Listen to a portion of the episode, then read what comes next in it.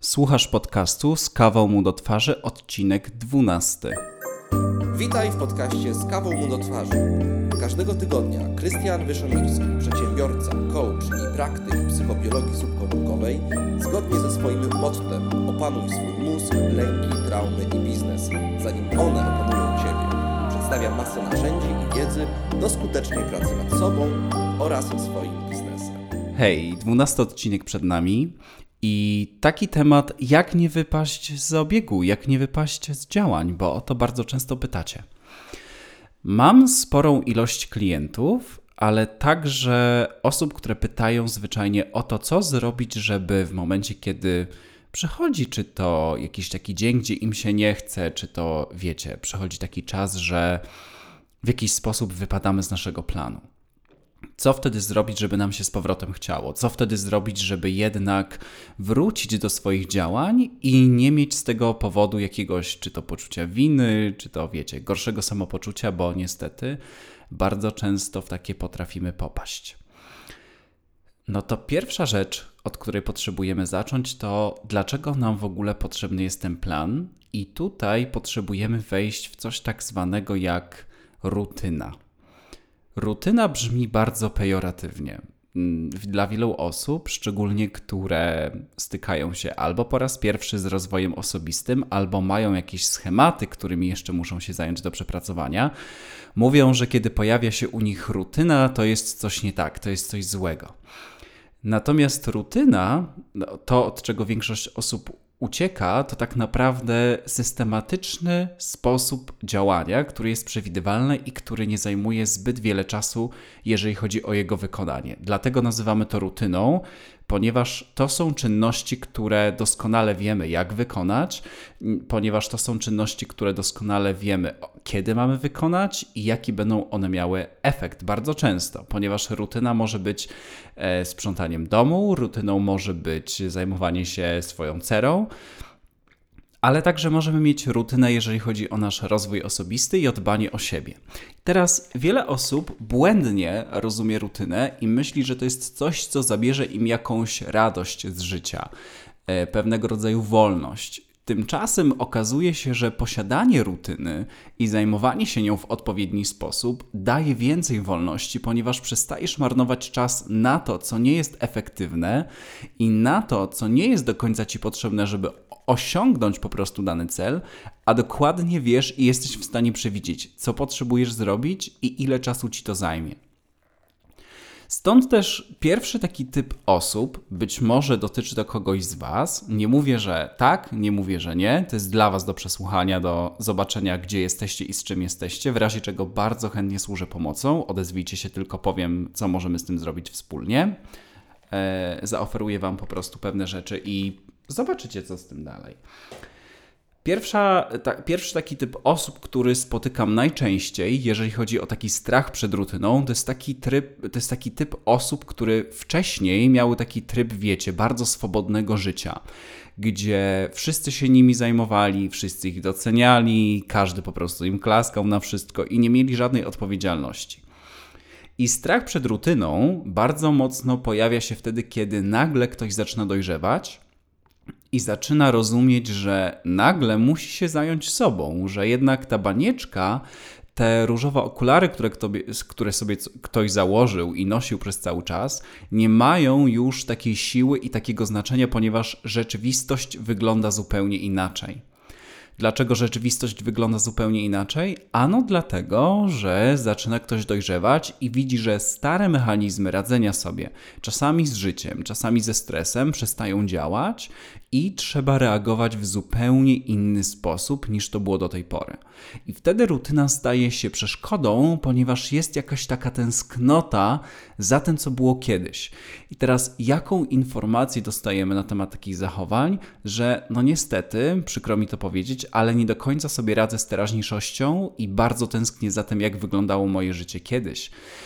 Teraz próbując cały czas usilnie wrócić do przeszłości, usilnie wrócić do tego, jak czyjeś życie wyglądało kiedyś, taka osoba zaczyna popadać w takie schematy, które są dla niej niestety nieświadomie destrukcyjne, ponieważ zamiast zadbać o swoje życie, zamiast zadbać o siebie i zamiast zadbać o to, jak funkcjonuje na co dzień, zamiast zadbać o to, jak działa, jak się czuje, zaczyna się zajmować wszystkim, co jest związane z tym, jak było kiedyś, co oznacza, że próbuje produkować więcej przeszłości w innych warunkach, w zupełnie innym miejscu, jeżeli chodzi o życie, w zupełnie innej części życia tej osoby.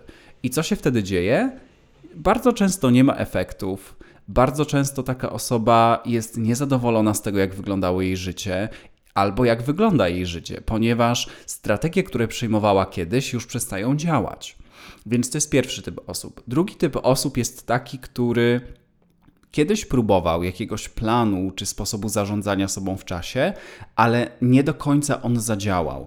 I takie osoby po prostu zraziły się ze względu na to, że potraktowały to jako swoją porażkę, ale nie jako próbę niejako podjęcie się próby. I tutaj próba oznacza podjęcie się wszelkich działań od A do Z bez przywiązywania się do wyniku. I wydaje mi się, że jeżeli chodzi o powrót do swojego planu i o powrót do takiego, wiecie, adekwatnego działania do tego, co się dzieje, to brak przywiązania do wyniku jest niezwykle istotny.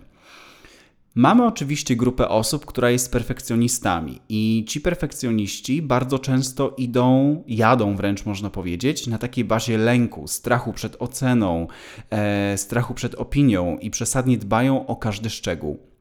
Co też jest oczywiście jakimś tematem do zrobienia, natomiast właśnie nie każdy tak ma. To jest ciekawe, że nie każdy tak ma. Natomiast kiedy pojawia się słowo porażka lub kiedy pojawia się słowo spróbować coś, to traktujemy to w dwa sposoby, ale niestety zawsze skrajnie. Porażkę traktujemy totalnie negatywnie, a próbę traktujemy tak zbyt ulgowo i nie przykładamy się do zrealizowania danej rzeczy tak mocno, jakbyśmy faktycznie mogli do tego podejść.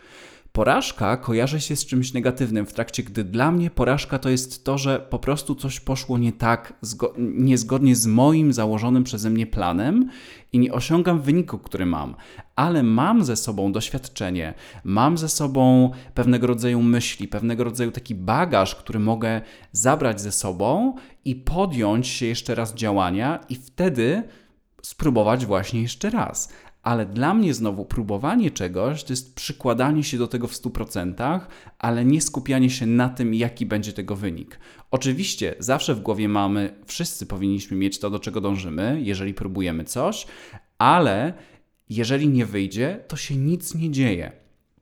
I ta subtelna różnica jest bardzo trudna do zrozumienia. I właśnie wtedy, kiedy wypada jakiś dzień, gdzie nie poszedł ci, nie wiem, wizyta na siłowni, twoja dieta, twoje ćwiczenia fizyczne czy mentalne i coś takiego się wydarzyło, że wybijasz się z rytmu, to niestety to, co robi większość osób i bardzo często nawet nieświadomie, to zaczyna same siebie oklepywać po prostu po twarzy.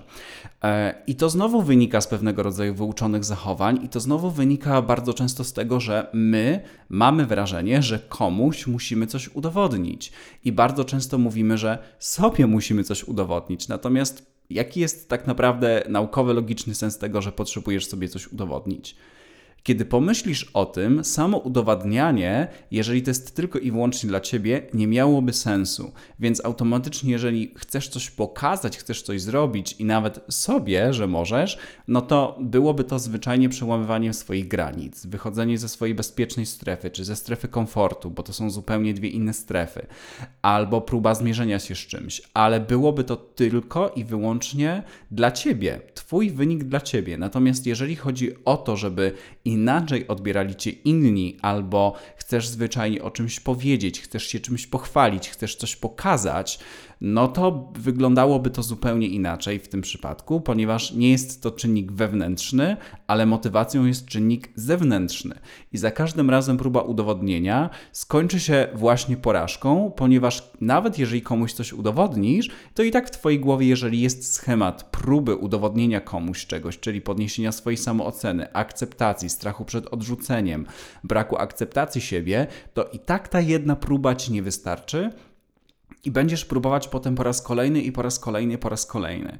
I niestety przykre jest to, że duża część osób, która ma taki schemat, nie mówię, że każdy oczywiście, ale duża część osób, która faktycznie żyje w tym schemacie, nawet tego nie doświadczają, ponieważ nie są w stanie tego zobaczyć i wydaje im się, że robią wszystko ok. I wtedy zaczynają albo odsuwać od siebie innych, którzy im nie kibicują, albo przerzucają odpowiedzialność na innych, ale nigdy nie patrzą, co mogłoby się w ich wewnętrznym świecie wydarzyć, żeby zaszła jakaś zmiana, żeby oni faktycznie zajęli się swoim życiem, a nie tym, co im się wydaje, że powinni robić. I to jest ten punkt kluczowy, na który chcę zwrócić uwagę, jeżeli chodzi o powrót do działania i powrót do planu po tym wywodzie. Jest taki, że jeżeli masz jakiś plan działania i nagle jest od niego jakieś odstępstwo, to potrzebujesz zrozumieć zwyczajnie dwie rzeczy. Pierwsza rzecz jest taka, że nic się nie wydarzyło i nic nikomu się przez to nie wydarzyło, ale to nie oznacza, że masz traktować to jako wymówkę. Nie oznacza to, ma, e, że masz traktować to jako codzienne odstępstwo, ale też nie oznacza to, że masz traktować to jako swoją porażkę i że wszystko musisz zaczynać od nowa. W ogóle koncept zaczynania czegoś od nowa, moim zdaniem, jest czymś fikcyjnym, ze względu na to, że za każdym razem, kiedy podchodzisz do czegoś, chcesz coś spróbować, chcesz coś zrobić, ale nie wychodzi to zgodnie z Twoimi założeniami, no to masz już i tak bagaż doświadczeń, co poszło dobrze, co poszło nie zgodnie z Twoim planem i jak to naprawić, ponieważ oczywiście naturalnym by było to, żebyśmy wyciągali z tych rzeczy, które się nam zadziewają, pewnego rodzaju wnioski. Stąd też zachęcam Cię do tego, że jeżeli chcesz wrócić do swoich działań, to pierwszym krokiem jest to, żeby ani siebie nie biczować, ani sobie nie odpuszczać, tylko w spokoju zastanowić się, co się w tobie, nie zewnętrznym świecie, albo nie to, co inni powiedzieli, czy co inni zrobili, co się w tobie zadziało, że od tego planu było odstępstwo. I możesz powiedzieć wtedy, może ci wyjść, oczywiście, że wpłynęło na to otoczenie, pogoda, miejsce, zmęczenie itd. Tak Natomiast pamiętaj, że to jest cały czas coś, co się zadziewa w tobie. To nie jest niczyja wina, że nie chciało ci się wstać, to nie jest niczyja wina, że nie chciało ci się czegoś wykonać, tylko to jest jakiś czynnik, który jest w tobie. I to jest właśnie ten moment, kiedy trzeba zrozumieć, że odpowiedzialność za nasze rezultaty i za nasze wyniki mamy my. Jakkolwiek dla wielu z Was słuchających tutaj, a wiem, że mm, słuchacie tego mm, podcastu i faktycznie wdrażacie to, bo dostaję od Was piękne informacje zwrotne, za co serdecznie dziękuję, bo to ogromna jest y, jakby radość dla mnie i wiele to naprawdę dla mnie znaczy, że to, co przekazuję dla Was jest wartościowe. To pamiętajcie o tym, że bardzo często te rzeczy, które wydaje nam się, że mamy przepracowane i które są oczywiste, warto też im się przyjrzeć, czy w jakiś sposób one mnie przypadkiem nie dotyczą. Stąd też nigdy coś, co się tobie dzieje, nie wynika z zewnątrz, tylko zawsze jest to twoja reakcja na coś, ponieważ gdybyśmy stanęli w grupie 50 osób, to każdy z nas mogłoby zareagować inaczej. Mogłoby. Część osób zareagowałaby podobnie, mielibyśmy podobne myśli i emocje, ale jest też duża szansa, że na wiele rzeczy, na wiele szczegółów, kiedy zaczęlibyśmy sobie opowiadać, że te historie zaczęłyby się różnić, ponieważ mamy zupełnie inne doświadczenia i zupełnie inne podejście do wielu spraw i do wielu tematów. Stąd też pamiętaj, że jeżeli wydarza się coś niezgodnie z Twoim planem i chcesz przerzucić odpowiedzialność na coś, to jest tylko i wyłącznie Twoja odpowiedzialność i Twoja decyzja, że dzisiaj czegoś nie robię. Czasami nawet jeżeli jest się zmęczonym, czasami nawet jeżeli masz gorszy nastrój, wciąż możesz podjąć się działania, chyba że uzależniasz wszystko, co robisz, od innych, od otoczenia, od okoliczności, e, od swojego samopoczucia, to wtedy jest zupełnie inna sytuacja, bo tutaj wtedy faktycznie jest temat do pracy. Natomiast zawsze w każdej chwili możesz po prostu wstać i coś zrobić. Jeżeli masz przywiązanie do wyniku i tego, czy ci to wyjdzie dobrze, czy nie, czy perfekcyjnie, czy nie, będzie ci trudniej. Ale jeżeli potraktujesz to jako zdrową próbę, czyli robię to coś najlepiej jak potrafię, ale nie przywiązuję się do wyniku, to już masz ogromną część sukcesu za sobą. Więc to jest pierwszy krok. Drugi krok, drugim krokiem byłoby tak naprawdę przyjrzenie się temu, co jest w ogóle w tym planie, co jest balastem, czyli czymś, czym należy się zająć i co jest priorytetem, a potem co jest takimi sprawami bieżącymi. Czyli zaczynamy zawsze od tego, co powinno być wykonane jakiś czas temu, ale jeszcze nie zostało wykonane, i tym zajmujemy się w pierwszej kolejności, a dopiero potem przechodzimy do rzeczy bieżących. Więc co jest taką najważniejszą czynnością, która, którą możesz się zająć już dzisiaj, lub która najbardziej ci wadzi? A wiesz, że kiedy się ją zajmiesz, cały Twój plan zacznie być już do zrealizowania. Więc to byłby drugi krok. Trzeci krok jest taki, żeby odpowiednio zainwestować w swój czas, ale tak zainwestować swój czas, żeby faktycznie nawet dać sobie miesiąc, odkładając natychmiastową gratyfikację na bok, żeby zająć się tym, co jest faktycznie istotne i faktycznie, żeby wy, taką stworzyć sobie tą wolność działania. Wiele osób, wielu osobom tak naprawdę, i to się dzieje i podczas terapii, i podczas coachingu, kiedy słyszę, że mają takie odczucie, że kiedy zaczną planować, albo pewne rzeczy w ich życiu będą sztywne, właśnie zrzucą z siebie tą taką spontaniczność, zrzucą z siebie tą taką, wiecie, wolność. I moim zdaniem nic bardziej mylnego, ponieważ im mniej jesteś w stanie przewidzieć swoje życie, tym mniej masz tej wolności, ponieważ praktycznie nigdy w takich sytuacjach nie wiesz, co się wydarzy brak planowania, brak, brak kalendarza, brak planów, brak jasnych celów, brak ewaluacji tych celów wcale nie jest wolnością. Oczywiście jest wolnością Twojego wyboru, że tak robisz.